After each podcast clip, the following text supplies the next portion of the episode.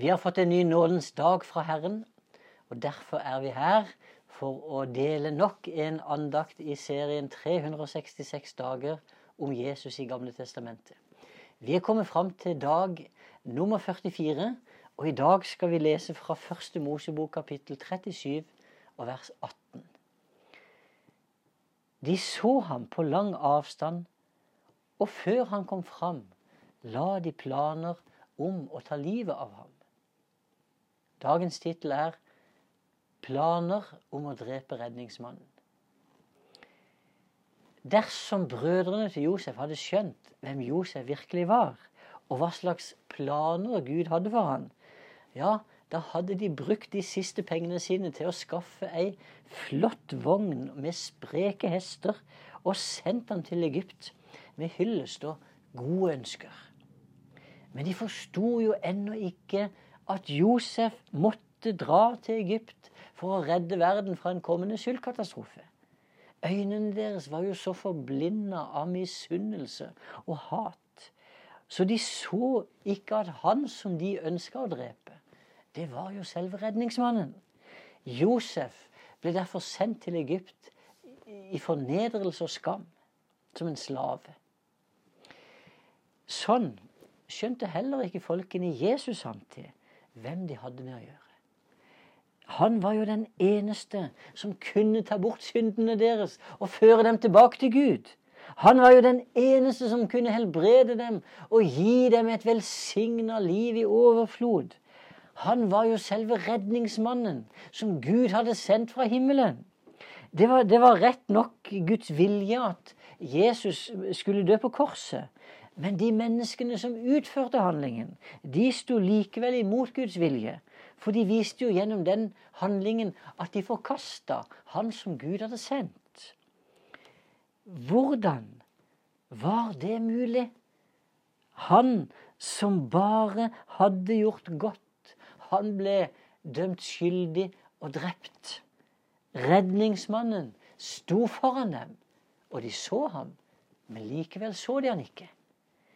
Det er fordi de ikke hadde del i Guds visdom. Derfor klarte de ikke å forstå hvem Jesus var. Og som Paulus skriver i 1. Korinterbrev kapittel 2 denne visdommen har ingen av verdens herskere kjent til, for hadde de kjent til den, ville de ikke ha korsfestet herlighetens herre. De var blinde. Og Paulus skriver også i 2. Korinterbrev 4 at denne verdens Gud har blindet i vantro sinn, så ikke de ser herligheten som stråler fram i evangeliet. Det går altså an å se uten å se hvis du er blind. Menneskene i vår tid de er ikke annerledes enn de som levde på Jesu tid. Mange har fortsatt ikke forstått hvem redningsmannen er. Derfor spotter, anklager og forkaster mange Jesus. Ja, noen forakter han til og med. For enkelte politikere så er jo Jesus som en pest og en plage for samfunnet. De vil ha Jesus og hans lære ut av skolen, og foreldre er redde for at barna skal bli for ekstreme og opptatt av Jesus og prege av han. Psykologer i dag de kan jo si at barn kan ta skade på sjelen om, om Jesus får for stor betydning i livet deres.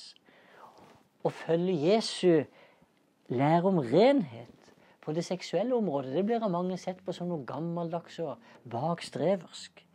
Og om noen står fram i dag og sier at de vil vente med sex til ekteskapet, så kan de jo til og med bli anklaget for å undertrykke følelsene. Og det kan til og med hevdes at de kan påføre seg selv traumer og skade for sjelslivet sitt.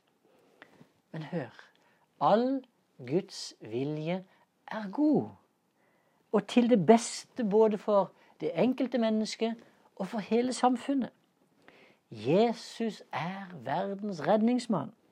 Hadde Jesu ord blitt tatt imot og fulgt, ja, da ville alt vært perfekt og godt.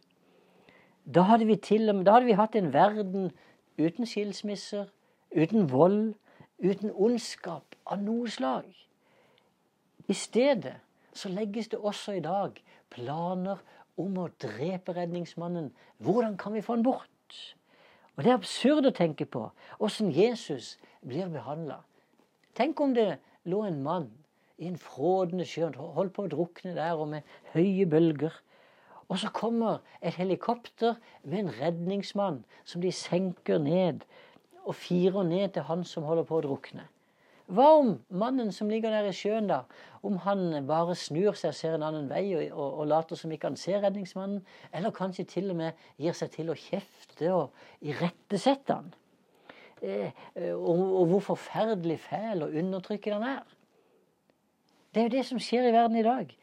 Mange har ikke forstått at de trenger jo reddes.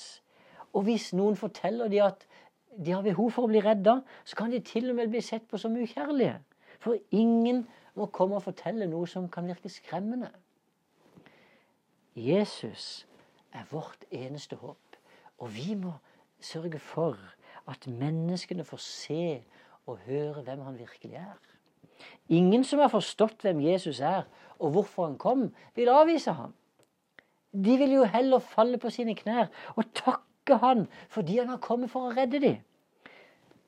Av og til er det noen som tror de gjør Jesus en tjeneste ved å ta imot ham, og at nå må jo Gud være fornøyd med dem, siden de har åpna livet for ham. Av og til er det også predikanter som kan si eh, gi Gud en sjanse, og, og, og, og, så skal de liksom teste ut om Jesus er så bra at de vil følge ham. Det kan jo ikke bli mer feil. For det er jo ved Guds nåde at vi blir frelst. Det er jo ikke vi som gir Jesus en sjanse.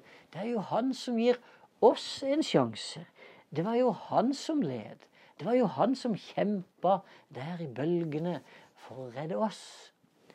Han er den sanne redningsmannen, og derfor kan ikke vi noe annet enn å bare åpne våre armer og åpne hjertene og ta imot Han som er kommet for å redde oss.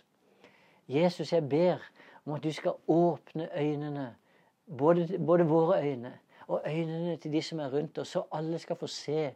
Vi trenger en redningsmann. Vi trenger en som har kommet fra himmelen, og som skal gi liv til verden. Og Jesus, jeg priser deg for at du er midt iblant oss for å redde alle som i dag kjemper, og som er undertrykka, som er nedtrykte. Jesus, åpne øynene deres, sånn at de skal se deg. At ikke de skal støte deg bort. At ikke de skal legge planer om å drepe deg. Men at de skal ta imot med glede og takk. Bruk oss, Jesus, til å vise hvem redningsmannen er. I ditt navn. Amen.